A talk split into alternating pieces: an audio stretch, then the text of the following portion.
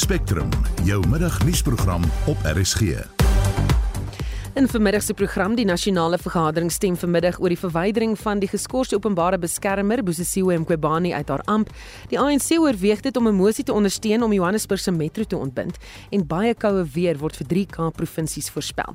Welkom by Spectrum onder redaksie van John Estreisen en die produksieregisseur is Daitrin Godfrey en Bongicosi Mtembu. Ek is Susan Paxton.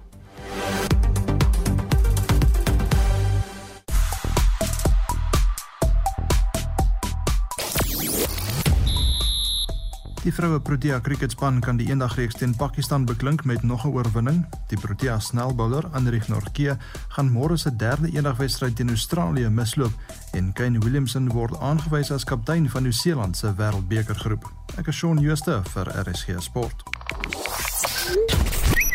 Op X gons die hitsmerk weer oor Dr Nandipa Magadumana en haar reaksie op haar borgtog aansoek. Ons berig later hieroor en op Facebook praat mense en ander rappie blaaie oor die bokke se ligstelsel om sekere spe spelers van die veld af te haal. En op Instagram is die ere housewife Piet Viljoen in 'n bekgeveg met die tegnologie entrepreneur JB van der Spy. Volgens op sosiale media vir meer interessante brokkies. Ons praat vandag oor rugby en hier kan jy jou lyf kenner hou. Is jy tevrede met die bok vertoning gisteraand teen Skotland en watter aspekte van die bokke se spel sal nog moet verbeter dink jy? Deel jou mening deur 'n SMS te stuur na 45889 teen R1.50 per boodskap. Jy luister na Spectrum. Elke weekmiddag tussen 12 en 1. En dis by kan 7 minute oor 12. Die nasionale vergadering sal tydens 'n spesiale sitting vanmiddag die verslag van die parlementêre artikel 194 komitee debatteer. Die komitee is aangestel om te ondersoek of die geskorste openbare beskermer, advokaat Bosisiwe Mqobani, geskik is vir haar amp. Die meerderheid van komiteelede het gestem dat sy uit haar amp verwyder moet word. Esie de Klerk doen verslag. Een van die redes hoekom die komitee Mqobani se geskiktheid ondersoek het, is omdat die konstitusionele hof in een saak bevind het sy was oneerlik en haar ondersoekmetodes is bevraagteken. Daar is ook bevind Mqobani het voor die Hooggeregshof gejok en haarself weerspreek toe sy gevra is om haar optrede te verduidelik. Die was net een van verskeie uitsprake teen Mqobani wat die DA genoop het om 'n mosie in te stel dat sy uit haar amp onthef moet word. Dis die eerste keer in demokratiese Suid-Afrika dat die parlement sy grondwetlike voorsiening gebruik het om die hoof van 'n hoofstuk 9 instelling te ondersoek. Die ondersoek wat aanvanklik geskeduleer was om slegs 6 maande lank te duur, het meer as 'n jaar geneem om te voltooi en advokate soos Dalim Pofu wat namens Mqobane opgetree het, het dikwels die voorgrond in die ondersoek betree. If this process is going to be fair and cover the ground that it needs to cover, you will never finish it in September. I'm telling you now. On my estimation, that's just a view. I might be wrong. Yeah. But um, I wish you could finish it tomorrow, obviously, because for us, it's, you know, people have been talking about the poor. The poor are sitting there waiting for their public protector. Mpofu se woorde was profeties. Die komitee moes sy werksaamhede staak en homself na die hof wend waar Mqobani haar skorsing teengestaan het. Daarna het nog aansoeke gevolg dat die voorsitter van die ondersoekkomitee, Kodobile Dianti en die DHLP Kevin Mylam hulle self moes onttrek. Daarna is die verrigtinge verder vertraag omdat Mqobani siek was en daarna het Mpofu sy regsdienste onttrek omdat die kantoor van die openbare beskermer nie langer die regsonkoste kon dra nie. Die vertragings het tot groot frustrasie onder komiteelede gelei. Hier is Andile Majosi van die IFP en Corneil Mulder van die Vryheidsfront Plus. The term ends in October. If that time passes without us reaching any conclusion, it's going to be a serious problem because then why would we still sit? What will be the justification that this inquiry will need to still continue? Because then the, the term would have ended. So I think we must really, really come to a conclusion that these proceedings, they do proceed and we do what is expected of us and also the public protector does what is expected from her side so that we finish with this process. It's been too long. The estimated time at that present moment when we started, it was not supposed to take so much time. On the first sitting day of this process, months ago, After I've listened to Mr. Mpofu that day, I said that it's clear to me that the intention is to keep us busy until the expiring of the public protector's term. At the time, Mr. Mpofu took a very strong objection that I could say something like that. And as we proceed, I'm slowly but surely obviously getting the idea that I was absolutely right. Mqobani hou sedert die begin van die ondersoek vol dat sy 'n slagoffer van politiekery is wat deur die ANC en DA gelei word. Sy het veral kapsie gemaak teen die DA-LP Kevin Mylam. I'm saying Mr. Melham, I mean you are even saying we are disingenuous and the very same person whom I'm not comfortable to sit here and be subjected to you and the chairperson. I mean, today the president is dealing with the issue of GBV. It's like you are subjecting me to stay in an abusive relationship. Toe geld van die OB se kantoor opdroog, het Mqobani geweier om verder deel te wees van die verrigtinge omdat sy gesê dit is haar grondwetlike reg om regsverteenwoordiging te hê. Die komitee het besluit om geskrewe vrae aan Mqobani te stuur. Sy het verskeie spertye gemis om dit te beantwoord en die komitee daarna eenvoudig voortgegaan met sy werk. For not responding to the written questions posed by members and evidence leaders, the suspended public protector has done a disservice to herself, her cause, and to the credibility of the institution of the public protector of South Africa. She chose not to be accountable to the committee and to be accountable only to herself, demonstrating I don't care attitude. She has therefore given away an opportunity to state the record straight on the questions asked. Die komitee het met 'n meerderheidsstem deur komiteelede bevind dat Mqobani uit haar amp verwyder moet word. Die nasionale vergadering beraadslaag vanmiddag omstreeks 2 uur daaroor. Die verslag is saamgestel deur Joseph Mosia. Ek is Estie de Klerk vir SAK nuus. Ons bly by die storie. Die organisasie teen belastingmisbruik oftewel Alta het die artikel 194 komitee se goedkeuring van sy finale verslag dat Mqobani skuldig bevind is aan wangedrag en onbevoegdheid as 'n reuse sukses vir verantwoordbaarheid bestempel. Alta het reeds in 2019 'n petisie aan die spreker van die nasionale vergadering gerig dat Mqobani se gedrag ondersoek moet word en dat sy nie bevoeg is om die openbare beskermer te wees nie. Ons praat met Alta se direkteur van die afdeling vir verantwoordbaarheid, advokaat Stefanie Fik. Goeiemôre Stefanie. Goeiemôre Susan. Die komitee het wel aanbeveel dat Mqobani uit haar amp verwyder moet word, maar die finale besluit berus by die nasionale vergadering. Hoe voel jy daaroor? As mense gaan kyk na die die inligting wat voor hulle is, wil mense amper sê dat hulle dit nie 'n keuse as om om te stem dat sy dan nou verwyder moet word nie. Ek dink daar is 'n 2/3 meerderheid en dit, dit word dan nou aan die aan die president gegee en dan moet die president haar haar verwyder. Maar ek dink regtig die die die die ondersoek wat gedoen is, die verslag wat ons moet nou onthou dat voor hierdie ehm um, 194 ehm um, ondersoek ehm um, weet begin het en geëindig het, was voor dit was daar ook 'n preliminêre ondersoek na. So en, en ons praat ook van van hofuitsprake. So regtig, ek dink ek in in 'n opsommenderwys wil sê ek dink nie hulle het 'n keuse as om haar te verwyder nie. Hmm. Is die eerste keer in die geskiedenis van die demokratiese Suid-Afrika dat die hoof van 'n hoofstuk 9 instelling op dië manier ondersoek word, maar Alta het reeds sedert 2019 op verskeie maniere aangedring daarop dat sy wel onbevoeg is vir haar pos. Ja, want as mens begin kyk het ons het op daai stadium begin agterkom, maar die die die uitsprake wat teen haar ehm um, gegee is, Och ons kan nie toelaat dat 'n uh, 'n uh, weet 'n hoofstuk 9 uh, iemand soos die openbare beskermer met hierdie tipe van uitsprake daar bly nie. En toe nou gevra daar moet tog 'n ondersoek wees. Ons ook nou nie verwag dat hulle net moet afdank nie. Dan moet dan moet 'n ondersoek wees. Nou ongelukkig het dit 'n bietjie lank gevat.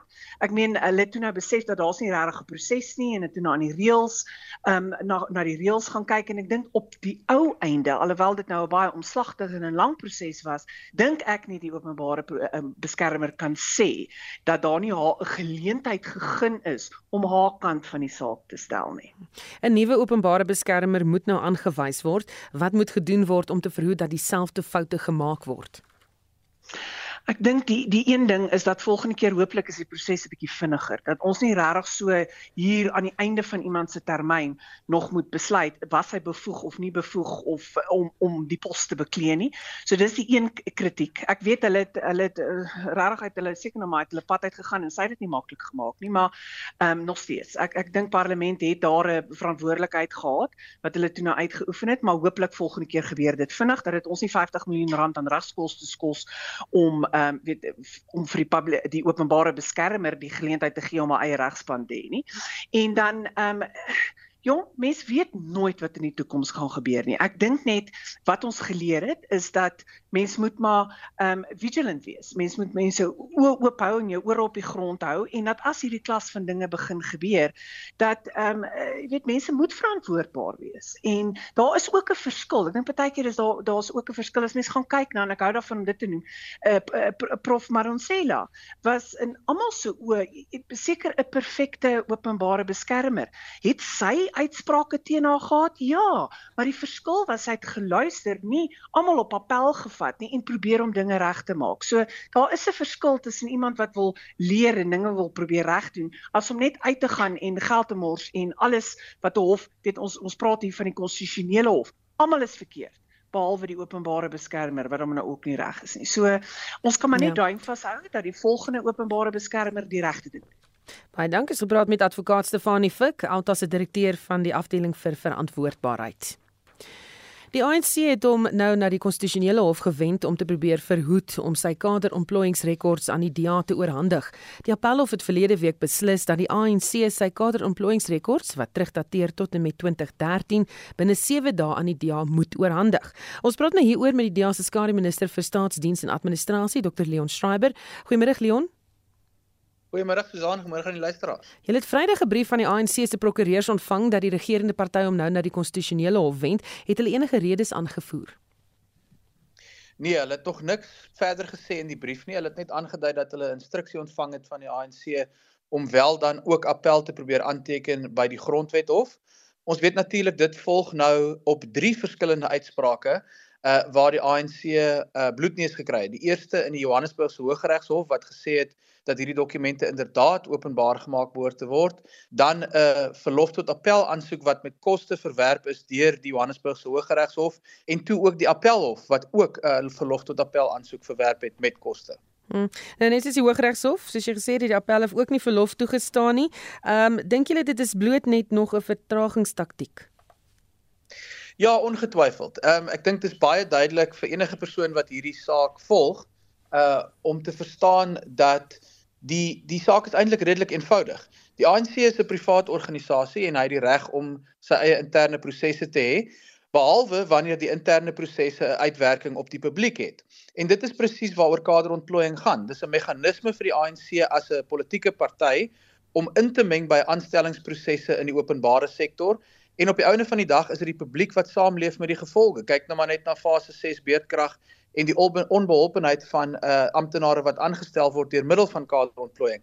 So omdat die publiek geraak word deur die kaderontplooiingskomitee se werk, het die publiek dan ook 'n reg om te sien wat in daai rekord staan. Hmm. En uh is dit die as hierdie poging nou misluk, moet die rekords dan nou oorhandig word? Ja, hierdie is nou die ANC se laaste toertjie. Uh, Daar's nêrens om te gaan na die grondwet hof nie. Uh, soos ek sê, hulle het tot dusver in elke hof waar hulle was bloedneus gekry. Uh, en ons is oortuig daarvan dat die grondwet hof tot dieselfde gevolgtrekking gaan kom. Op die ouene van die dag maak die ANC geen geheim daarvan dat die doel van kaderontplooiing is om in te meng by die aanstellingsproses nie. Ehm um, maar in die proses uh, het hulle self ook dan ontneem van enige teenargument in hierdie saak.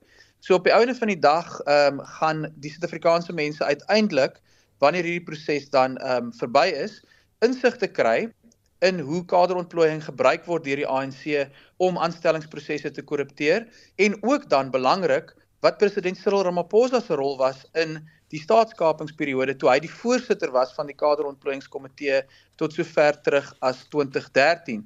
So alhoewel dit 'n bietjie frustrerend is dat daar nou weer 'n vertraging is, ehm um, is ons nie verbaas daardeur nie. Ehm um, en selfs meer as dit, uh, die DA verwelkom hierdie geleentheid om in die grondwet hof nou finale bevestiging te kry dat die ANC nie kan wegkruip agter geheimhouding uh wanneer dit kom by hulle inmenging in aanstellingsprosesse nie. Baie dankie ons gepraat met Dr Leon Schreiber, die DALP en skade minister vir staatsdiens en administrasie. Die ANC het aangedui dat hy bereid is om die DA se mosie om Johannesburg se metro te ontbind moontlik sal ondersteun eerder as om verder saam met die EFF te werk. Die regerende party is van mening dat sy verhouding met die EFF hom meer skade as goed doen. Ons praat nou met professor Piet Kroukamp, 'n politieke wetenskaplike aan die Noordwes Universiteit se Besigheidsskool. Goeiemôre Piet. Goeiemôre Susan. Hoekom sou die ANC voel dat die EFF werksverhouding hom meer skade as goed doen? Jong, dis 'n ding wat uit die uh, uit Letoile huis uitkom en ook uit uh, die Unie gebou uit. Uh, jy sal onthou dat die ooreenkoms die EFF ooreenkoms by die ANC is eintlik staan gemaak deur Gauteng administrasie met ander woorde Panjasa Lesofie met 'n bietjie steun van Paul Masatile. Maar die raadslede, die ANC raadslede in in in Johannesburg uh het eksepsie geneem teen die feit dat van die senior poste onder andere die burgemeesterspos en selfs die speakerpos behoort nou aan kleiner partye en hulle het eenvoudig gevoel dat dit die magsbasis wat hulle nodig het in aanloop na volgende jaar se verkiesing, die 2024 verkiesing word daardeur geërodeer en eh, skade berokken. So daar is die verdeling binne die ANC. Ek is seker dat al die lede van die ANC noodwendig dieselfde gevoel het nie. Daar is party wat weliswaar uh, tog uh, uh, getrou is aan uh, Panjasa Lesofie, maar dat daar ongelukkigheid binne die ANC is en dat indien van hulle wel besluit om die DA se mosie te ondersteun en die DA kan wel Action Suid-Afrika kry om saam te stem met hulle dan kan die kat in die duiwelhok beland. En sê vir my, ehm um, is hierdie ontbinding wat die DA voorstel 'n goeie idee? Ek dink is 'n fantastiese idee. Ek dink mens moet enigiets doen om uh Johannesburg uit die ANC uit te kry. Dit is in die EFF te kry. Daar's geen twyfel daaroor dat dienslewering absoluut op sy knieë staan dat korrupsie ehm um, die hele staat deur trek is deur korrupsie op plaaslike regeringsvlak dat die ANC gebruik die die die kapitaalbegroting en hulle gebruik die totale begroting om die waarheid te sê uh van van uh, Gauteng maar ook van Johannesburg om 2024 se verkiesing te veg en dit is 'n uh, dis 'n ongelooflike sterk magsbasis om te in aanloop na verkiesing dit sal baie baie goeie ding wees as mense die ANC kan ontsetel. Jy het 'n bietjie daaraan geraak maar wat gebeur agter die skerms? Voel almal soos die DA oor die kwessie? Nee, jy sal onthou daar was onlangs baie ongelukkigheid omdat Action Suid-Afrika, die Vryheidsfront en van die kleiner partye wat saam met uh Eh, die DA die die Moonshot Pact wat later die Charterist ooreenkoms die handves ooreenkoms geword het omdat hulle wou 'n mosie van wantroue gehad het al rukkie gelede in die uh, eh, eh, ANC EFF uh, alliansie en dat hulle gevoel het op daai stadium was Pop glad sê was sy nog binne die party en sy kon moontlik die burgemeesterspos oorgeneem dit was die tweede geleentheid wat daar was om die ANC te ontsetel en die burgemeesterpos terug te gee vir Paglatse en uh, in beide kere was die DA geweldig onwillig om 'n ooreenkoms met die Patriotic Alliance aan te gaan. Nou hulle het goeie redes daarvoor. Ek ek wil nie vir oomblik insinueer dis slegte redes nie, maar die feit bestaan is die prys wat 'n mens daarvoor betaal of wat die burgers van Johannesburg daarvoor betaal is dat jy uh, dienslewering en korrupsie op geen manier uh, kan regstel onder die bestaande administrasie nie. Hm. Kan mens die DA se verbintenis tot die veelpartytjie koalisie vertrou? Mense kan dit vertrou. Ek dink hulle het 'n sterk verbintenis, maar hulle is nie pragmaties daaroor nie. Wat beteken hulle is nie bereid om moeilike ooreenkomste te sluit uh ter wille van die groter belang nie. Uh as hulle met die bereid was om met die PA op een of ander manier ooreenkomste aan te gaan en Corneille Mulder van die Vryheidsfront het 'n uh ooreenkoms uh, staan gemaak uh, met uh, Gaitan McKenzie en Poppeglatsie weet ons was ten gunste van die ooreenkoms en verskeie DA-lede binne die uh, Raad van Johannesburg was ten gunste van die ooreenkoms en dit sou die DA die ANC baie beslis ontsetel het. Uh, maar hulle wou hulle wou nie pragmaties wees nie en die argument is daal altyd van daai briewe wat dit wat wat wat tot die weerwil is kom altyd uit Kaapstad uit met ander woorde uh, die gevoel in Johannesburg dat plaaslike politici se belange nie geag word nie maar dat besluite in die FedEx in die uh, in in in uh, in Kaapstad as dit ware geneem word wat tot die nadeel is van plaaslike politici. Dit veroorsaak geweldige oneenigheid selfs uh, binne die DA in 'n sekere mate, maar baie beslis binne hierdie alliansie ooreenkoms op dan nou die ooreenkoms wat onlangs gesluit is. Hm, ek hoop nie dit is jou bloeddrukmeter wat so skree daar in die agtergrond nie, is nou besig om kwaad te word hier nie. Uh Piet sê vir my, is die Patriotic Alliance werklik so sleg en onbetroubaar as wat die DA sê? Ehm um, hulle is amper so sleg en onbetroubaar. Amper, maar nie maar uh, jy ek, ek dink uh, Michael Beaumont het dit baie mooi opgesom. As jy uh, vertroue tussen politieke partye gebruik as 'n maatstaf om alliansies en koalisies te stig, gaan daar geen koalisies en alliansies stig nie bestaan nie. Uh op 'n of ander manier moet 'n mens baie keer met die duiwel ooreenkomste aangaan en jy moet onthou die keuse is tussen die duiwel en die blou see. Daar is nie 'n positiewe scenario wat almal uh sal uh, terwille wees uh in in in politiek nie. So ek ek dink tog dit was heeltemal moontlik om met Gayton McKenzie ooreenkomste aan te gaan. Uh en hy was hy was heeltemal bereid om om 'n lang pad te stap. Hy was ook bereid as die DA sê maar hulle sal nie alliansie met die ANC aangaan nie of 'n koalisie met die ANC na 2024 aangaan nie. Sou hy al sy koalisies met die met die met die ANC verbreek het. Uh, hulle was nie bereid om hulle aan opskrif te sit vir dit nie. Hmm. Baie dankie dit was professor Piet Kroukamp, 'n politieke wetenskaplike aan die Noordwes Universiteit se besigheidskool. Sneeuneerslae word in dele van die Oos-Noord en die Wes-Kaap voorspel. Dit sal gepaard gaan met koue, nat en winderige toestande wat binnelanders van môre af weer na warmer baadjies gaan laat gryp. Ons praat nou hieroor met 'n voorspeller van die Suid-Afrikaanse Weerdienste in die Wes-Kaap, Henning Grobler. Goeiemiddag Henning. Daar sê middag Susan en middag luisteraars. Waar word oral sneeu voorspel en is dit net ligte sneeuneerslae?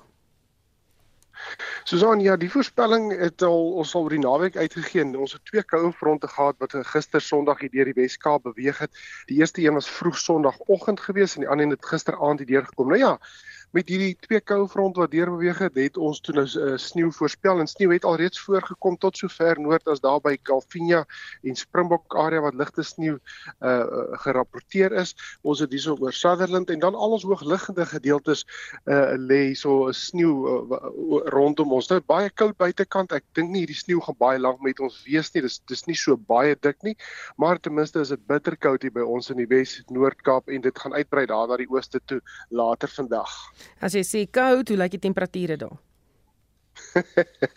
Wel op die oomblik het temperature daarso by Springbok so 5 grade, Kalvia 6 grade, Pofadder 9 en eh, 'n uh, gemiddelde omtrent so tussen 7 en 10 grade oor die binneland en dan die allangs die kuste is so tussen 10 en 12 grade. Nou ek verwag dat hierdie koue lug gaan alreeds vandag hier oor die Noord-Kaap uh, verder in beweeg hier na die Noordwes provinsie en die Vrystaat toe. Uh en dan alreeds môre daar by Gauteng gaan julle temperature begin afkoel. Ongelukkig of kom ons sê so is meer tipe van 'n geluk as kan ons mos sê dit koel julle so bietjie af. Uh julle het ons nou die laaste ruk al klaar somer gehad met temperature in die mid 30s. So 'n lekker afkoeling hierso wat ons verwag het teen Dinsdag, Woensdag se kant, maar ongelukkig baie vinnig daarna herstel uh die die die, die maksimum temperature en dan voor jy weet is jy weer terug by die mid tot hoë 20s. Sê vir my is hierdie die laaste koue front vir die jaar of is dit moeilik om te sê? En soos ek ek wens ek kon vir jou sê ja, want ons het dan maar van koue fronte kan jy ons nou niks meer vertel in die Weskaap nie. Maar uh, ons kan dan koue fronte kry tot in nog hierso Oktober en November selfs. So dis nie ongehoord vir hierdie tyd van die jaar nie. Dit is net ek dink dit is 'n bietjie onverhoeds betrap want die, die res van die land het nou al somer en lewende dag gevier en skielik kom hierdie koue in wat nou uh onverwags is, maar ons in die Weskaap of ons hierso in Kaapstad, ons het nog van somer nog nie 'n dag gesien nie. Miskien so hier en daar 'n losdag. So ons is gewoond in die koue, maar ons raak nou 'n bietjie keelvol daarvoor. Ah jong, so jammer vir julle hier by ons waar dit laas somer is. dit is lekker. Dankie gepraat met Henning Grobler, voorspeller van die Suid-Afrikaanse Weerdiens in die Wes-Kaap. Vandag, presies 'n jaar gelede, is drie lewens geëis na die wal van 'n slukdam van die myn in Jagersfontein meegegee het. Tot op hede sukkel familie steeds om tot verhaal te kom en die regering sê dat regsgeskille die vordering van die bou van huise vir hierdie families dan nou vertraag. Aanmene Eckart berig. Meer as 160 gesinne is dakloos gelaat. Nuwe huise is beskikbaar, maar sommige families het steeds nie daar ingetrek nie. I don't have a place right now. I can say it's only the building, but thing inside there's nothing inside because in our street other places there's no houses because nine of them are now flooded and they are finished there's no furnitures Die adjunkminister van Samewerkende Regering en Tradisionele Sake, Pak Stow, sê die proses word weens regsgeskille vertraag. Hy sê ondanks die regering se voorneme om die saak buite die hof op te los, kan die saak verder gevat word. We are comfortable that the project is currently underway and that the houses are being redeveloped, particularly for those who have said that they are prepared to occupy the houses. There's still a significant number of people, the majority, that have said they are not ready yet to occupy the houses. They do require some issues to be resolved. They've got legal representatives. We've engaged with their lawyers. We've engaged with the community leaders again today. I'm comfortable that from today's discussion, there is a way forward. Slegs 3 huise is sedert die ramp gebou ten spyte van die sperdatum in Oktober. Die burgemeester van die Kopanong munisipaliteit, Tsolani Tseletsele, sê die myn se regsverteenwoordigers weier om met die betrokke gesinne oor die regsaspekte te vergader. The affected households or families, they are using three different firms Now, all of these firms they are using different strategies towards this particular issue of a disaster. But the major, major conflict now is that the mining boss's legal firm, which is called Tabek, is refusing to have interactions with the legal side of families. That might be on the basis that they are using different strategies and which might delay this issue to settle out of court. Die burgemeester sê die munisipaliteit beplan om die ramp te herdenk. Hy sal ook met die mynbestuurder in gesprek tree oor die vermiste liggaam van Mantle Mugadi. I'm going to sit down with the team in the municipality to come up with a program in terms of the commemoration of the 11th of September. I've already received various interest on this issue. One of it is that the churches want to meet and have a prayer, and then we can have a community session. And there's also proposals from different NGOs in the locality to say we can issue out school shoes in partnership of this issue. Dit was Olane Tseletsele, die burgemeester van die Kopanong munisipaliteit. Hierdie verslag is saamgestel deur Tula Lekala. Ek's Anmina Eckart vir SAK nuus. Jy luister na Spectrum. Elke week saterdag tussen 12 en 1. In die tweede helfte van die program die DA vra die Hooggeregshof in Pretoria om die verhoging in kragtariewe ongeldig te verklaar en ons vind uit hoe Afrika ekonomies voordeel kan trek uit lidmaatskap aan die G20. Bly ingeskakel.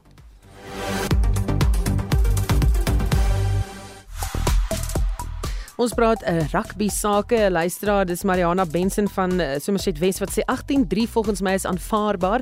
'n Wen is 'n wen gegee die telling. Die skotte kon nie 1-3 aanteken nie en ook nie 3 punte aanteken teen die Bokke se 18. Hoop die Senewees uh, hou nou of is nou onder beheer na hulle openingswedstryd. Ons is trots op ons Bokke en die bestuurspan. Uh, baie sterkte vir hulle vir die volgende wedstryde sê sy. Dan sê Riana van Klersdorp, ons kort 'n skopper want wat gaan nou aan? Ons kry nie iemand wat kan skop nie en dit stel ons te leer sê iemand, dan staan daar 'n klomp wat kla oor die klere wat die Springbokke gedra het. Wat sê rede dat die bokke in hulle nie in hulle normale groen en goud klere gespeel het nie? Die turquoise lyk maar sleg by die groot manne. Dit werk net nie lekker nie. Dis Ina van George. Ina, ek weet nie dalk moet jy dit vir ons verduidelik wat hulle dit so steadybere lyk. Ek is seker nie. Dan sê nog iemand wat sê kon beter doen nou net nie van hulle klere drag nie. Ons is groen en goud, so laat ons nou maar daan speel. Nou die rede vir hierdie kleer ehm um, trui is omdat dit deel is van wêreld rugby um, se beleid oor mense wat kleurblind is. En blykbaar is hierdie tryd dan van so aarde dit nie mense wat kleurblind is pla as hulle dan 'n rugby kyk nie. So daarom die rede vir die tryd ek dink dis dalk 'n dalk 'n goeie rede al hou jy dalk nie van die kleur nie. Mag selfs nog steeds saam 45889 SMS se kos R1.50 Shaun Joost is op die lyn met vandag se sportnuus. Goeiemôre Shaun. Middag Susan. Die vroue Proteas hoop vir herhaling in vandag se tweede eendagwedstryd teen Pakistan en Andri Gnorkie gaan die derde wedstryd teen Australië misloop. Ja, die Proteas het die eerste wedstryd Vrydag oortuigend gewen. Dit was met 127 lopies, maar die Zankap en Sunay Lees het honderdtalle aangeteken en Suid-Afrika kan die reeks vandag met nog 'n oorwinning beklink. Nou Pakistan het die lood gewen en gekies om eers te kolf. En Cricket Suid-Afrika het vanoggend aangekondig dat die snelbouler Anrich Norke vandag skanderings aan sy rug sal ondergaan om die erns van sy besering te bepaal. Nou Norke het Saterdag tydens die tweede wedstryd teen Australië met lae rugspasmas gesukkel en kon slegs 5 balbeurte voltooi waarna hy 58 lopies afgestaan het. Die Proteas het die wedstryd met 123 lopies verloor en moet môre se derde van 5 wedstryde wen om die reeks lewendig te hou. Ons bly by krieket die eendag wêreldbeker toernooi begin oor minder as 4 weke in Indië en Nieu-Seeland het die ervare maar beseerde Kane Williamson as kaptein aangekondig. Ja, die 33-jarige Williamson herstel nog van 'n ernstige kniebesering en die afrigter Gary Stead sê Williamson kan dalk die swart pette se openingswedstryd teen Engeland op 5 Oktober misloop. Tim Southee en Trent Bolt vorm ook deel van 'n gedigte span wat 6 wêreldbeker debutante bevat. Dit is Williamson en Southee se 4de wêreldbeker verskynings. Nou die jaar se tennis Grand Slams is nou iets van die verlede. Watter spelers het reeds vir die jaar eindtoer finale gekwalifiseer? Onder die mans het die 24-malige Grand Slam kampioen Novak Djokovic van Servië, die Spanjaard Carlos Alcaraz en die Rus Daniel Medvedev hulle plekke in 'n toerronde in Italië verseker, terwyl die nuwe vroue wêreldnommer 1 Aryna Sabalenka van Belarus, die nommer 2 Iga Swiatek van Pole, die Amerikaanse Ope kampioen Coco Gauff en ook Elena Rybakina van Kazakhstan reeds plekke in Cancun in Mexico losgespeel het. Baie dankie, dit was Shaun Jooste van RSG Sport. Spectrum, jou middagnuusprogram op RSG. Sy so 23 minute voor 1. Die veroordeelde moordenaar Tabo Bester se vriendin en mede-beskuldigde, Dr Nandipa Magudumana, is borgtog in die Landdroshof in Bloemfontein geweier. Sy word daarvan aangekla dat sy Bester gehelp het om in Mei verlede jaar uit die Mangaung gevangenis te ontsnap. Ons praat nou met Apomelele Mundlani oor die saak. Good afternoon Apomelele. Good afternoon and also to the listeners. What was the reasons for the bail being denied? Well, uh, Magistrate Esther DeLange made a damning uh, a judgment where she uh, indicated that Dr. Nandi Pamakutumana is a definite flight risk and, of course, will tamper with the evidence and is a strong link to all the accused and we know uh, also that she, of course, masterminded and was in the forefront in the escape of uh, Tabo Besta. So she denied her bail, saying that she will have access uh, to every information and now can always plan the escape of Tabo Besta once again if she wanted to and the issue of flight risk, she indicated the issue of her being arrested uh, in Tanzania uh, in possession of passports that didn't belong to her, as well as her passport that was not stamped, and saying it was not convincing or it didn't convince a submission that she made that rather she was forced by Thabo Bester to go to Tanzania uh, with him. Hmm. When is the next court appearance? Um, we're expecting all 12 accused, including Tabo Besta, to be back uh, on the 11th of October. However, when we talk to, of course, the legal representative of Omakudumana, they've also indicated that they will exhaust all the legal avenues. So it's possible or it's likely to happen that before 11 of October, Dr. Nandipha Makudumana might have uh, approached the High Court, uh, of course, to try to exercise her, her right of uh, bail application also there. Mm. Has there been any reaction from Magudumana's legal team or the NPA? The legal team, uh, as I indicated, they are saying that they will go through the judgment and uh, are likely to exhaust all avenues. Mm to to make sure that is granted bail Dr. Nandipha Makutumana. Was there any protest outside the court? There was a, rather no one outside court, but the usual faces that we know, which is Action SA from the day one, they've been in support of Katleho Bereng, whose charred body was used as a decoy in the escape of Tabo Bresta. They were there. And um, Dr. Nandipha Makudumana's brother, was also in court, but of course they didn't want to comment. And we also had our legal experts uh, to who always unpack. Uh, and this time around, also they were saying yes, Dr. Makudumana still has legal standing. She can always approach the the the High Court. Baie dankie dit was Amomlelele Mtatlani in Bloemfontein. President Cyril Ramaphosa het die Afrika Unie se permanente lidmaatskap aan die G20 verwelkom.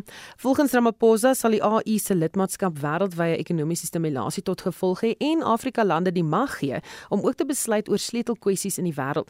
Ons praat nou met 'n ekonomiese raadgewer van die Optimum Beleggingsgroep, Dr. Rolof Botha. Goeiemôre Rolof. Goeiemôre julle. So, wat is die ekonomiese voordele wat Afrika uit die lidmaatskap sal kry? Wel, dit gee vir hulle beslis die kans om uh, skouers te vryf met uh, staatsleiers van die top top lande in die wêreld, um, Amerika, Kanada, uh, Duitsland en Japan uh, uh, byvoorbeeld net om 'n paar te noem waar hulle nie maklike ander uh, uh, forums sal kry om dit te doen nie.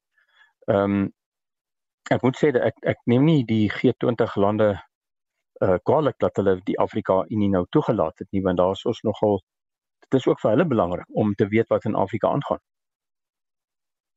Sal Suid-Afrika self baat vind uit hierdie lidmaatskap uit? Indirek glo ek ja. Want ehm um, as mens kyk na 'n baie onlangse uh, studie um, waar dit sê hy's 'n uh, week of 2 gelede voltooi deur die Sentrum vir Strategiese en Internasionale Studies in Washington het hulle hulle so in die begin van die verslag sê hulle dat uh, Afrika het 90% plus van die platinum groep metale 25% van die goud, 85% van die mangaan, 47% van die kobalt, 21% van die grafiet. En terwyl ons lithium ehm um, voorrade hier maar 4% van die wêreld is uh, verwag ons dat dit gaan toeneem na 12%, 12% toe want hulle begin nou baie daarvan ontgin en dis meer. En sonder hierdie metale en minerale uh, is is die wêreldekonomie in sy kanon en veral met die oog op uh, lithium batterye en die oorskakeling na hernubare energie. So Afrika se belangrikheid uh, vir die res van die wêreld het um, met die uh, baie groot klem op hernubare energie het hy baie toegeneem. Maar dan sal Afrika moet aandag gee aan sy baie swak mense rekord uh sy rekord vir menseregte. Daar's nou al twee weer twee staatsgrepe gewees wat uh, uiters kommerwekkend is. Ek wil nou vir vra sal die lidmaatskap help dat daar meer bestendigheid op die kontinent is? Ja, miskien as mens uh, die ehm um, daai groep in in Rusland die Wagner groep uh, uit die uit die kontinent kan hou.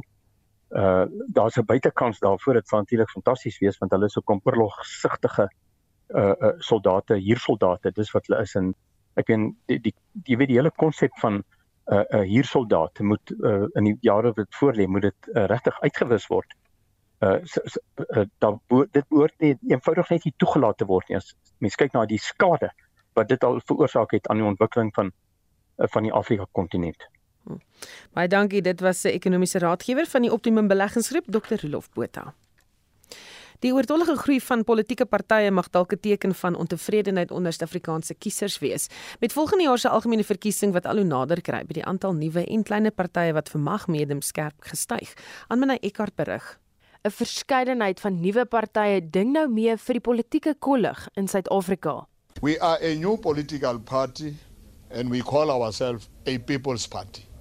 And people say this sounds really, really, really good. This is just about a platform for young people. Die toename in die aantal politieke partye is volgens sommiges te danke aan die ontevredenheid in die samelewing. 'n Politieke ontleder, Dr Fikile Vilagasi, sê die ontevredenheid onder burgers sluit kwessies in soos die talle beskuldigings van korrupsie en wangedrag van die tradisionele partye soos die ANC. The liberation struggle in the country has not really liberated the masses of the people. And that is demonstrated in the mushrooming of political parties that we are seeing, really mushrooming from everywhere. You know, you are finding that people who would not have imagined themselves to even be in the political um, game are rising to say we cannot be silent anymore. 'n Aantal prominente lede het die DA verlaat, 'n bekommernis wat kiesers laat glo dat die oppositie nie 'n alternatief is nie. Vilagasi sê die beskuldigings van rasisme bly die party tuister.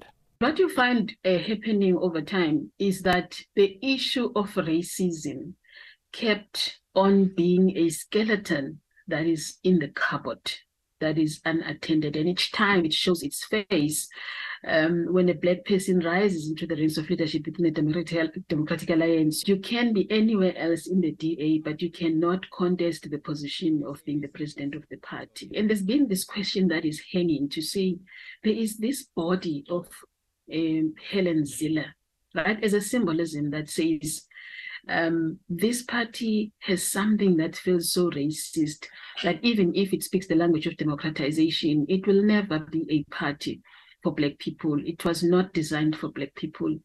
So you are then finding the Black elite, the Black academic, and the Black activist, and the Black scholar who thought that perhaps the DA is a better governing party, then being disillusioned as well.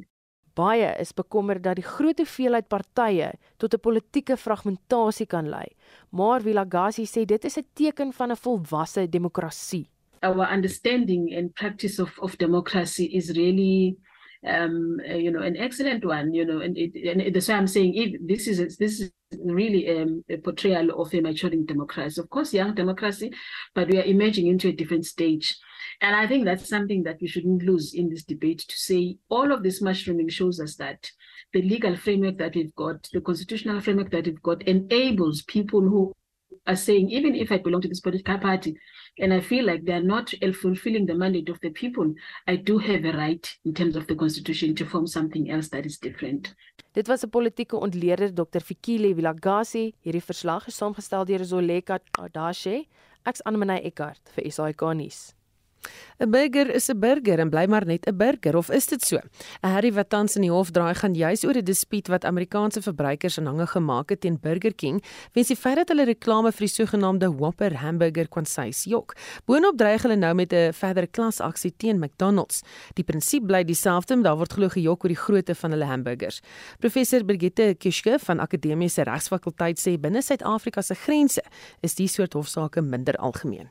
Die rede hoekom ons dit nie baie sien nie, is eintlik maar soos ons almal weet, die geweldige onkoste verbonde aan litigasie, die moeilikheid wat bestaan aangaande die, die vol hoflyste, die feit dat dit jare gaan vat om in die hof te kom en dan natuurlik of 'n klasaksie inderdaad die beste remedie is, omdat daar alternatiewe is wat persone geneig is om te vergeet. Wat is daai alternatiewe? Die verbruikersbeskermingswet bevat baie artikels oor hoe 'n mens 'n verskaffer of 'n diensverskaffer of 'n verkoper kan aanmaan vir sekere wanprestasies. En dan is daar 'n baie belangrike alternatiewe dispuutbeslegtingsmetode wat deur ons reg ingevoer word al hoe meer en meer ons het dit in die versekerings die finansiële dienste en dit is natuurlik die ombudstelsel daar is 'n consumer goods and service ombud vir die industrie en die ombud is dus 'n fantastiese remedie. Verbruikers kan hulle self direk na die ombud wend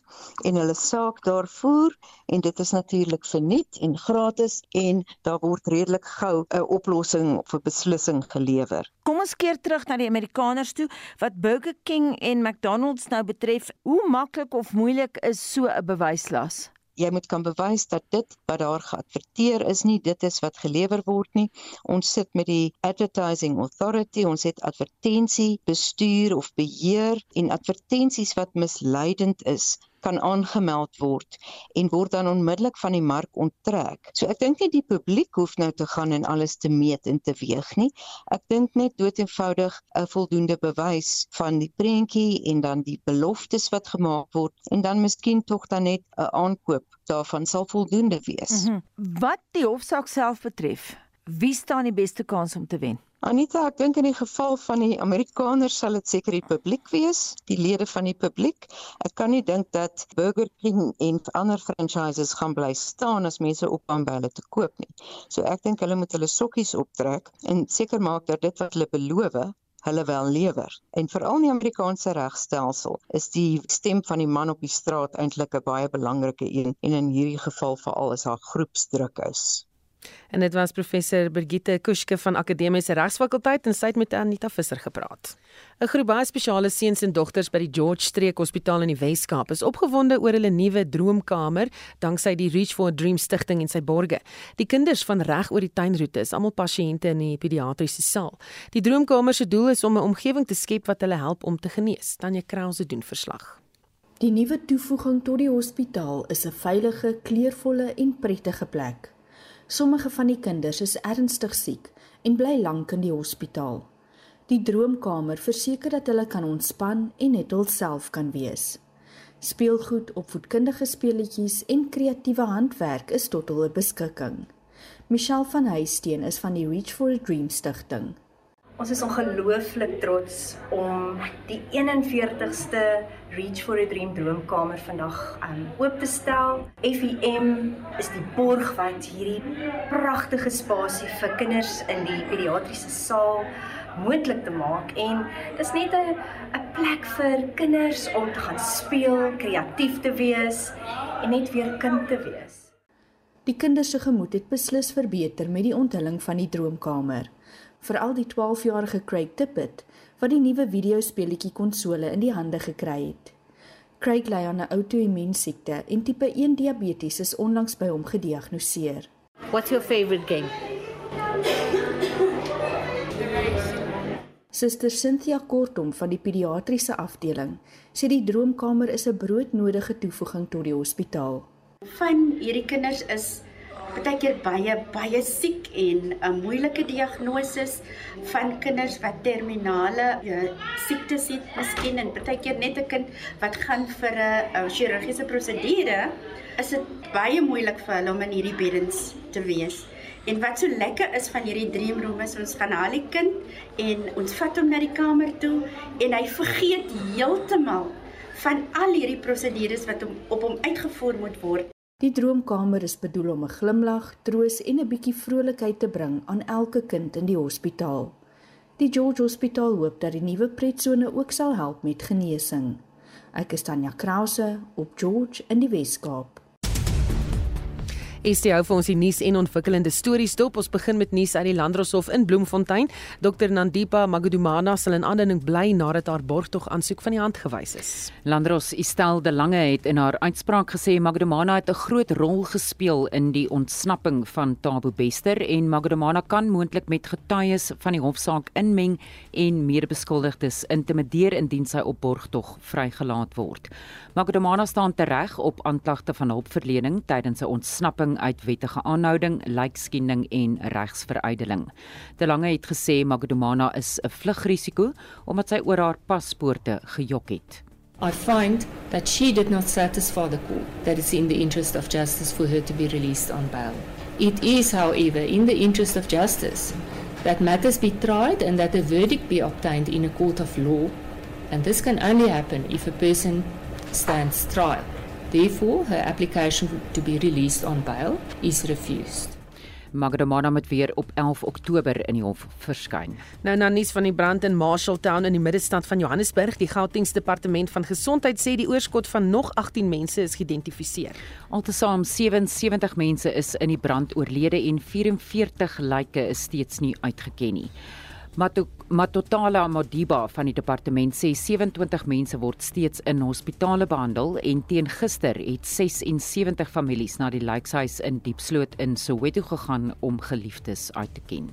The team was able to harvest some fingerprints from some of the bodies and as a result they were able to then positively ID 11 additional people having run their fingerprints through the system and they were also able to identify a further seven people who were identifiable through various features such as tattoos and other body marks. In internasionale nuus word berig dat reddingswerkers hulle hande gebruik om na oorlewendes in die aardbewing in Marokko se Atlantis geberg Atlasgebergtes eerder te soek. Die dodetal het tot meer as 2100 gestyg. Reddingsspanne sukkel om masjinerie na afgeleë gebiede te neem. Intussen het reddingswerkers van Spanje en Brittanje ook begin help om te soek na oorlewendes wat onder die puin vasgekeer is. En die stigter van die humanitêre organisasie Gift of the Givers, Dr Imtiaz Suliman, sê noodspanne eh, Noodspanne is op bystand geplaas om na Marokko te vertrek. Die BBC se Tom Bateman berig. Thousands of families have spent a third night in the open, struggling to access food and water. Here across the high Atlas Mountains, rugged, remote, and home to some of Morocco's most marginalised, the contours of the damage are still taking shape. Entire villages are wiped out. Lines of survivors queue for blankets and basic supplies. Many have spent the days and nights climbing across the wreckage of collapsed homes, searching for the missing. In the hardest hit province of Haouz, south of Marrakesh, half a million people people are thought to be affected. En terug na nuus uit die howe waar oud-president Jacob Zuma se advokaat Dalium Pofu in die Hooggeregshof in Pietermaritzburg betoog het dat hy seker is die appelhof sal in Zuma se guns beslis om te kan voortgaan met die private vervolging van die staatsaanklaer in Zuma se korrupsieverhoor advokaat Billy Downer en die joernalis Karen Mon. 'n Volbank regters in die Hooggeregshof het in Julie bevind Zuma se private vervolging van Downer en Mon moet gestaak word en dat Zuma die hofproses misbruik. Mike. In Pofe se betoogshofte om verlof tot appel, sê hy Zuma het sy redes uiteengesit hoekom hy Danner en Mon privaat wil laat vervolg. Here, we have a version from the respondent. He says under oath, my intention is to obtain a conviction. Now, I'm aggrieved because my information was uh, banded about, my medical information, which was obtained for a particular purpose. I'm aggrieved. But the court says, no, you're not aggrieved. Even though he says that he is. Without saying that it's a far fetched version that he is putting up. He says, you know, all these issues that I've mentioned before. He says you know, the 20 years is not 20 years. There's no Stalingrad. en dis Zuma se regsverteenwoordiger advokaat Dalium Polfu. En dit was Essie met 'n oorsig oor nuus en ontwikkelende stories. Ons groet namens soos uitvoerende regisseur Nicoline de Wee, die redakteur John Estreisen en ons produksieregisseurs is Bongie Kosim Tembo en Daitrin Godfrey. My naam is Susan Paxton, bly ingeskakel vir 360.